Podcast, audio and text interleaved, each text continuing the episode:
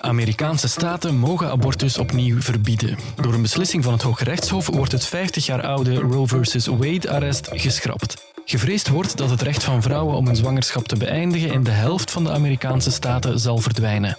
Waarom gebeurt dit net nu?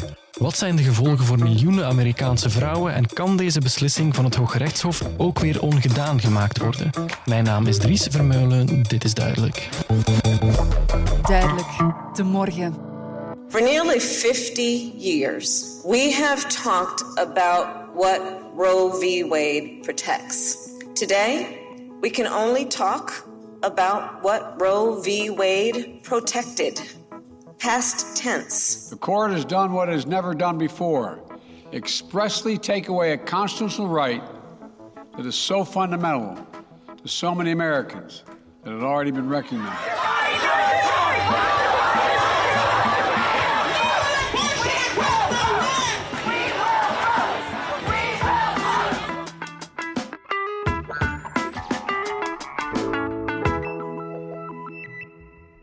Bij mij aan tafel zit Sarah van de Kerkhoven, journalist bij De Morgen. Dag Sarah. Hey, dag Dries. Roe v. Wade, intussen hebben we er allemaal over gehoord. Dat arrest uit 1973 dat het recht op abortus voor Amerikaanse vrouwen verankerde in de federale wetgeving. Dat betekende dat in elke Amerikaanse staat abortus op zijn minst mogelijk moest zijn. Nu, dat wil niet zeggen dat de abortuswetgeving in al die staten even ruimdenkend was. Hè?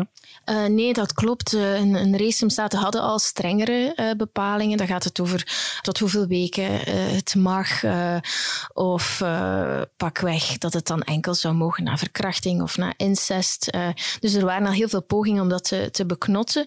Maar Roe versus Wade was wel een soort stok achter de deur, waardoor het toch gewaarborgd bleef. Terwijl nu meteen na het schrappen van het arrest al meteen negen staten het volledig hebben verboden. een aantal andere staan te springen. Ik vermoed dat ongeveer de helft van de staten dat daar het recht op abortus onder vuur komt te liggen. Ja, ik las het cijfer 40 miljoen. Zoveel vrouwen dreigen nu dat recht op abortus volledig te verliezen in de VS. Kan je schetsen hoe groot de gevolgen daarvan zijn voor die vrouwen? Wat betekent dat voor hen als dat recht verdwijnt?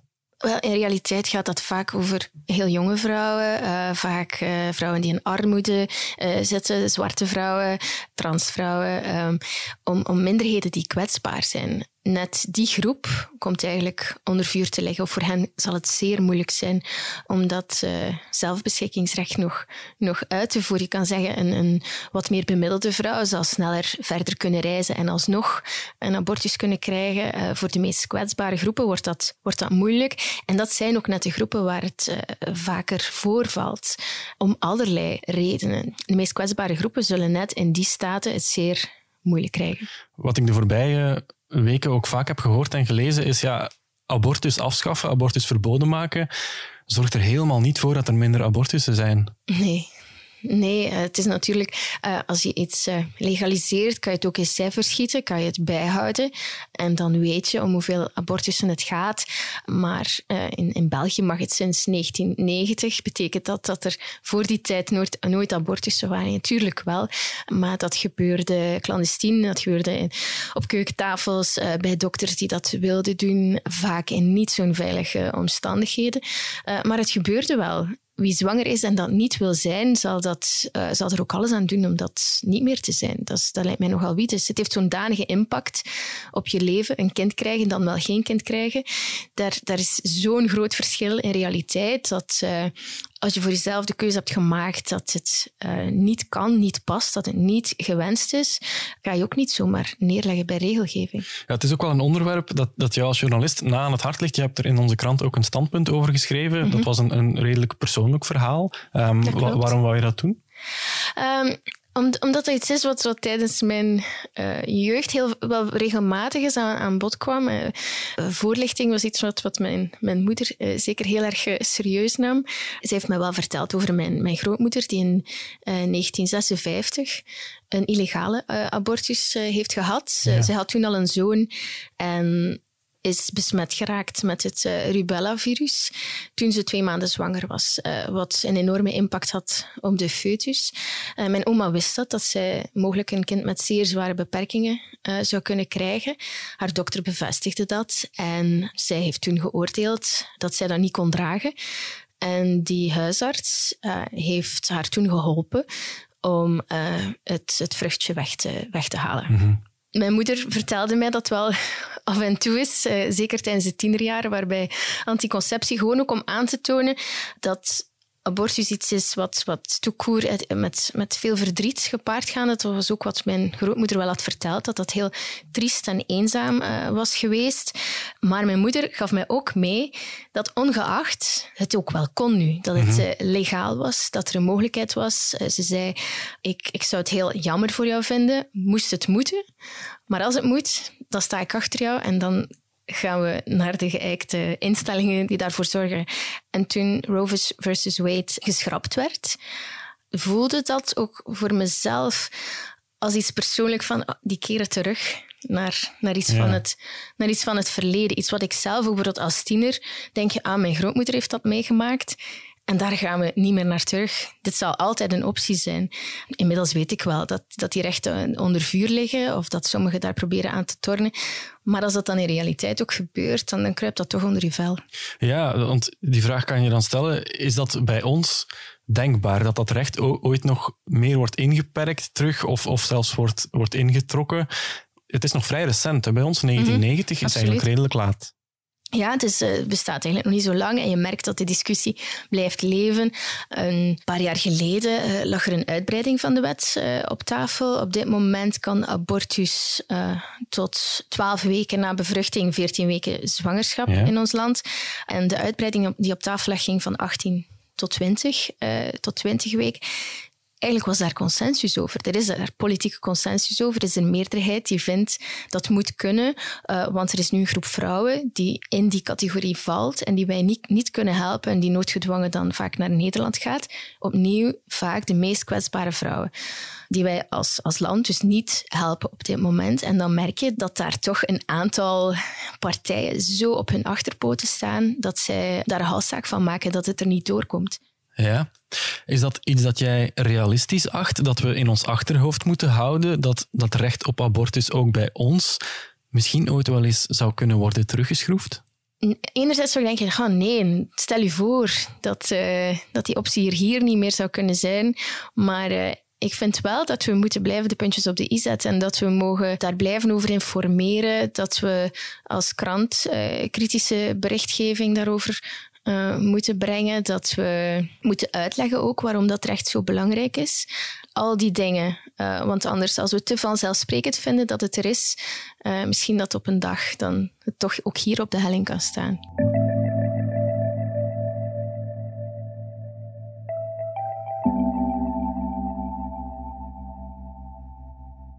Wat abortus betreft draaien de VS de klok dus maar liefst 50 jaar terug. Dat na een stemming onder de negen rechters van het Supreme Court, vijf van hen stemden voor een verwerping van Roe vs. Wade, met de grote gevolgen voor miljoenen Amerikaanse vrouwen die we net hebben gehoord. Wat is dat Supreme Court precies, dat Hoge Rechtshof? Hoe komt het dat dat zoveel macht heeft en waarom maken ze die beslissing net nu? En als zij die beslissing zo makkelijk kunnen maken, kan het recht op abortus dan ook makkelijk weer worden ingevoerd?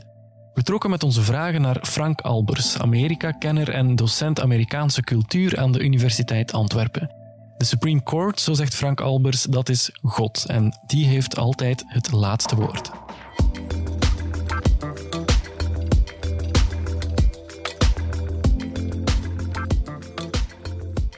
Ja, het is natuurlijk een aardverschuiving die nu teweeg wordt gebracht door zo'n arrest van het hoogste hof in de Verenigde Staten. Um, zoals iedereen weet is er geen hoger hof in Amerika dan het, de Supreme Court, het Hoge Rechtshof. Dus wat daar beslist wordt bij eenvoudige meerderheid, daar is geen beroep tegen mogelijk. Dus ja, dat is God hè, die, die gesproken heeft. Mm -hmm. Kunt u misschien voor de leekjes even uitleggen wat dat Hoge Rechtshof, dat Supreme Court eigenlijk precies is en waarom dat zoveel macht heeft? De Supreme Court is het hoogste gerechtshof in de Verenigde Staten. En wat doen die negen rechters? als jij morgen een conflict hebt met je buurman of een verkeersovertreding, dit soort dingen, komt niet voor de Supreme Court uiteraard. De Supreme Court behandelt eigenlijk alleen twee soorten zaken. Ten eerste, de Supreme Court kijkt of wetten die staten goedkeuren. Hè, dus staat Florida heeft zijn eigen wetten, zelfs zijn eigen grondwet. Connecticut, New Jersey, alle staten hebben hun eigen grondwet. Daarin zijn staten heel vrij om hun eigen grondwet te schrijven. Alleen mag de grondwet van een staat nooit in tegenspraak zijn met de federale grondwet. Dus als er conflicten zijn tussen wetten op staatsniveau en federaal niveau, dat is het soort conflict dat de Supreme Court zal beslichten. Andere zaken die de Supreme Court beslicht, gaat bijna altijd over zaken in beroep. Dus je komt nooit met een zaak die voor het eerst voor een rechtbank komt, meteen voor de Supreme Court. He, hele beroemde zaken geweest destijds, Dred Scott en zo in de slavernijtijd, waarbij iemand voor een gewone rechtbank ongelijk krijgt, dan in beroep gelijk krijgt, waarop de tegenstander zegt, ja, maar nu ben ik het er niet mee eens. En zo komt een zaak, hè, deze, deze, dit arrest is ook begonnen als een rechtszaak in Mississippi. En uiteindelijk komt dat dan voor het hoogste gerechtshof. Ja, dus Roe versus Wade was zo'n beroepszaak die uiteindelijk voor het Hoge Rechtshof is verschenen. Kunt u eens uitleggen waarom dat Supreme Court precies nu heeft beslist om dat arrest dat het abortusrecht federaal verankerde precies nu van tafel te vegen? Nou ja, het was een soort een, drama waiting to happen. Zo. Ik bedoel, iedereen wist dat dit zat, er zat aan te komen. Niet alleen door dat lek in de maand mei um, vanuit de Supreme Court, wat op zich een heel merkwaardig gegeven was. Kunt u dat nog eens uitleggen? Wel, in, in mei is er een soort voorontwerp van deze wet um, gelekt via het tijdschrift Politico. Ja. En die hebben dus de hand kunnen leggen op een, uh, ja, je zou kunnen zeggen, een kladversie die blijkt nu toch wel vrij definitieve, de vrij definitieve versie bleek te zijn van de wet die nu goedgekeurd is. Dus dat op zich was ook al heel vreemd dat er vanuit de Supreme Court een, een zo belangrijk document in zo'n late fase, net voor die beslissing genomen moest worden, um, ja, gelekt werd naar de pers. De onmiddellijke geschiedenis is natuurlijk Donald Trump. Ja. Donald Trump was natuurlijk ooit voor abortus, was ook ooit democraat. En zou ook morgen, weet ik veel, communist of boeddhist zijn als het hem goed uitkwam. hè? Ik bedoel, zakelijk of politiek gesproken. Dus die man staat voor alles en niks. En die zag aankomen dat zijn uh, campagne voor het presidentschap 2016 helemaal niet de gewenste richting uitging. En die heeft toen letterlijk een deal gesloten met de mensen, de christelijke fundamentalisten in Amerika. En dat is helaas een hele grote, sterke groep. En heeft aan die mensen heel duidelijk gezegd: kijk, uh, mijn levensstijl is niet die van jullie en vice versa, maar we kunnen elkaar wel helpen. Als jullie uh, de christelijke fundamentalisten in dit land en de evangelicals voor mij doen stemmen, dan beloof ik jullie, als er vacatures in de Supreme Court zouden komen, want het is altijd aan de president om daar de kandidaten voor te stellen. Vervolgens moet dat dan wel door de Senaat goedgekeurd worden natuurlijk, na hearings, hoorzittingen. Mhm. Dan beloof ik jullie dat ik rechters zal benoemen die pro life zijn. Met andere woorden, als zo'n vreselijk woord pro-life, alsof mensen die voor abortus zijn niet pro-life kunnen zijn. Maar goed, dat is de onmiddellijke aanleiding geweest. En hij heeft drie keer een rechter kunnen benoemen. Dus hij heeft dat ideologische evenwicht in de Supreme Court kunnen doen kantelen in het voordeel van de conservatieven. Ja, dus drie zitjes van de negen in dat Supreme Court zijn persoonlijk benoemd door Donald Trump. Ja, dat is van Reagan geleden dat een president nog drie rechters heeft kunnen benoemen. Ja. Dus uh, Trump heeft van één, één ding zijn speerpunt gemaakt, namelijk abortus. En de rechters die in aanmerking kwamen om benoemd te worden, werden eigenlijk maar op één punt ondervraagd. Namelijk, wat doe je met uh, Roe versus Wade? Wat is je standpunt over abortus? Wat dat betreft is er nu wel iets heel interessants aan de gang, vind ik, in Amerika. Waar ik ook niet zo heel veel over lees. Twee van de rechters die nu in de meerderheid zitten, die abortus willen afschaffen, zijn door um, Bush en Trump benoemd. Twee conservatieve rechters.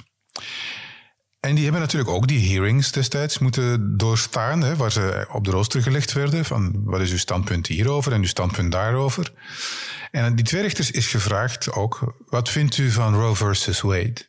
En die twee rechters hebben allebei gezegd toen, in die hearings, dat zij Roe versus Wade als verworven beschouwden. Mhm. Met andere woorden, we kunnen misschien nog wel dingen beslissen, maar eigenlijk valt er aan Roe versus Wade, daar gaan we ten gronde niks meer aan kunnen doen.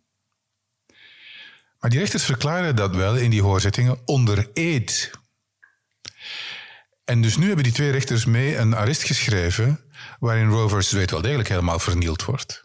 Dus zie je nu bij progressieve democratische politici hier en daar de suggestie opkomen om deze rechters te impeachen. Want het argument is, die hebben dus destijds gelogen onder eed. Mijn eed. En mijn eed is een impeachable offense. Alexandra Ocasio-Cortez, de, de grote jonge ster van de Democraten uit New York, heeft gezegd: kijk, twee, twee rechters in de Supreme Court die gelogen hebben onder ede, die mijn eed hebben gepleegd, ja, die kunnen niet blijven zetelen. Die moeten geïmpeached worden, eigenlijk dus geschorst worden. Ja, dat is de du jamais vu natuurlijk. Dat is nog helemaal nooit gebeurd. Het maakt toch volgens mij ook geen schijn van kans. Maar het geeft wel aan hoe, hoe heftig en hoe agressief en hoe totaal gepolariseerd het debat nu is. Als toppolitici van de ene partij hardop zeggen: misschien moeten we rechters in de Supreme Court impeachen. Met andere woorden, de legitimiteit van het hoogste hof staat wel ter discussie nu.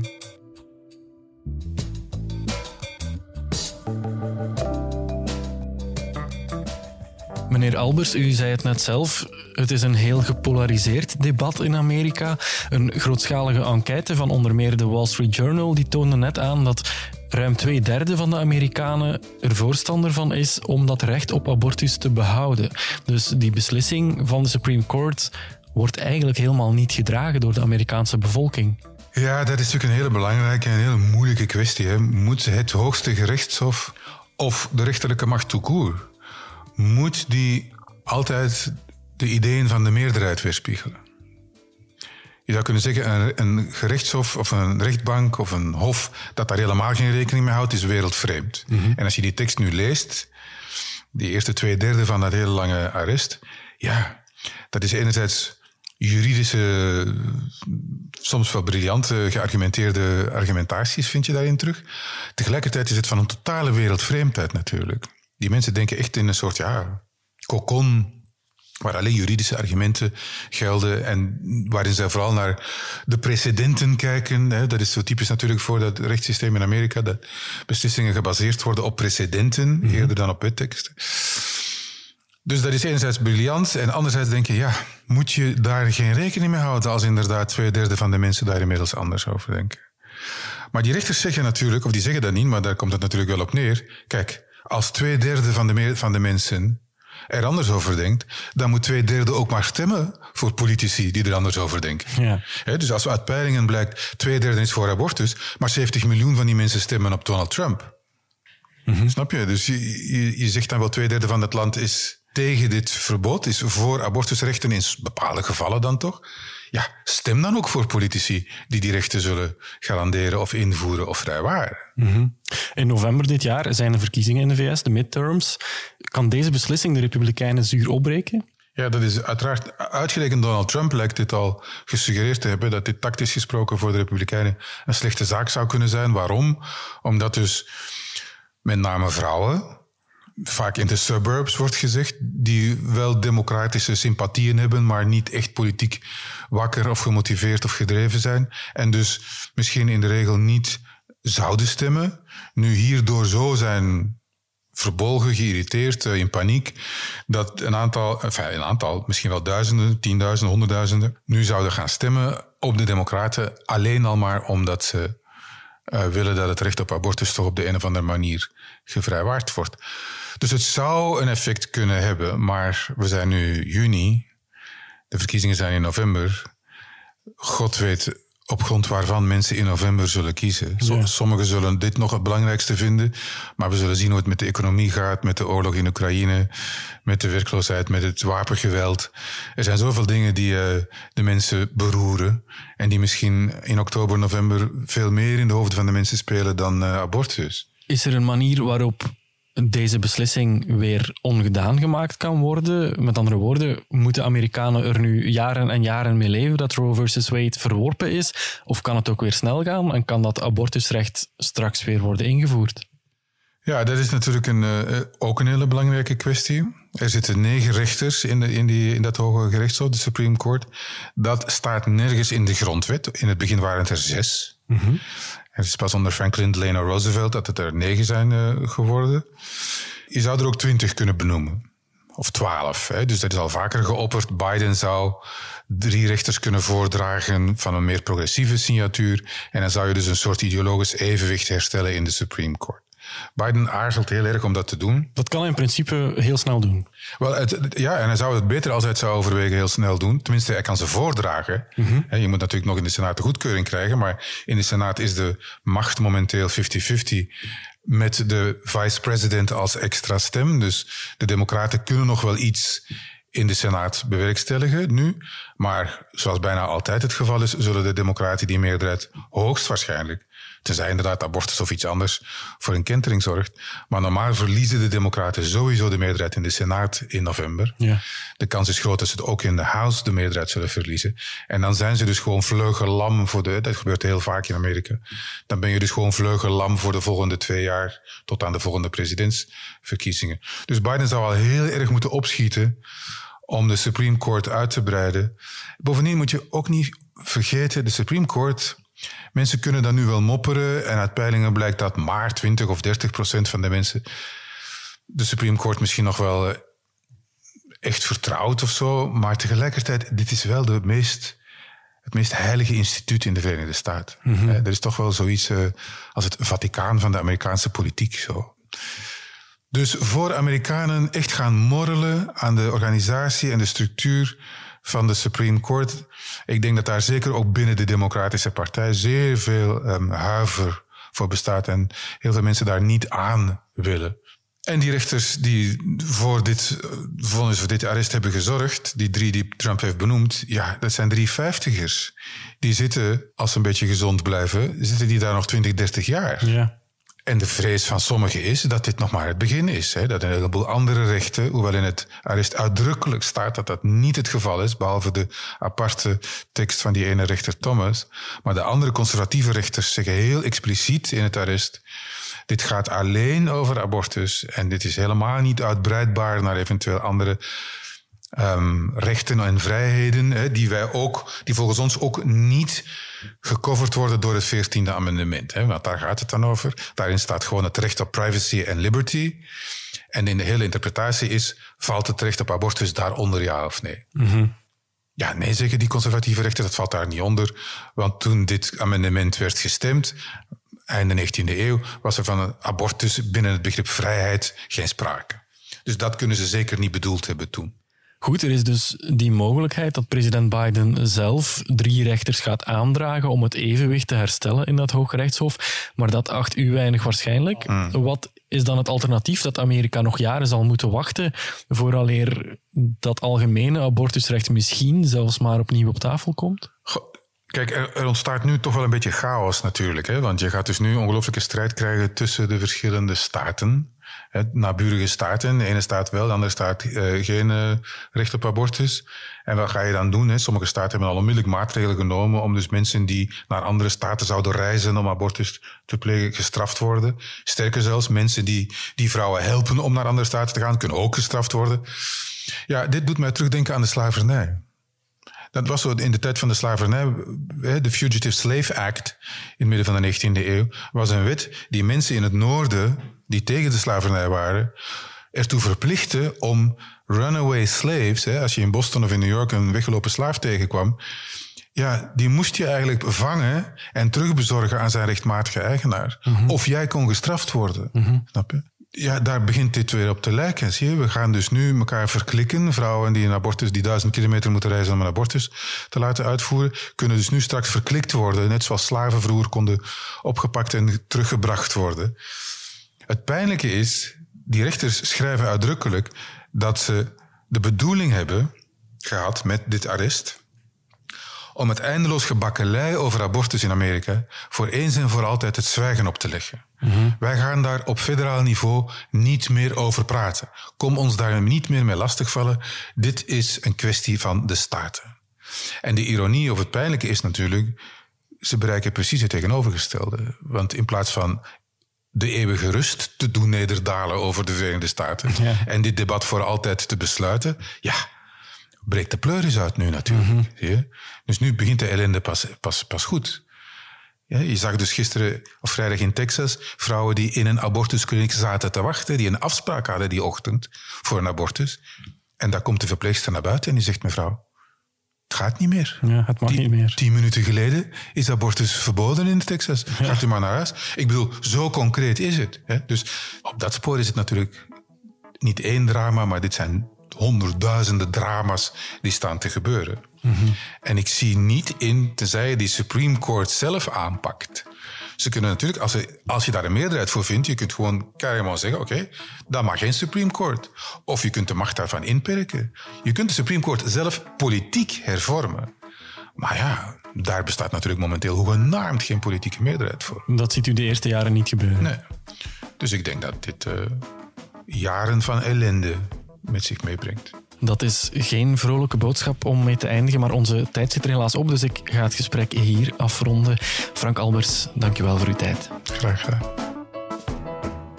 Ik bedank ook mijn collega Sarah van de Kerkhoven en Laurens Bervoets, die heeft ook meegewerkt aan deze aflevering. En u, beste luisteraar, bedank ik natuurlijk ook weer om erbij te zijn. Dit was de voorlopig laatste aflevering van Duidelijk. We gaan er een tijdje tussenuit voor de zomer. Maar in september zijn we er terug, dat is beloofd. In de tussentijd kunt u ons altijd een mailtje sturen naar podcasts.demorgen.be. Alle feedback is daar welkom, positieve feedback uiteraard, maar ook suggesties ter verbetering. Zijn er dingen die u anders zou willen zien, onderwerpen die u vaker aan bod zou willen horen komen? Dat mag u ons altijd laten weten. En dan rest mij nog u een heel fijne, zonnige zomer te wensen. Heel graag tot in september. Dit was duidelijk.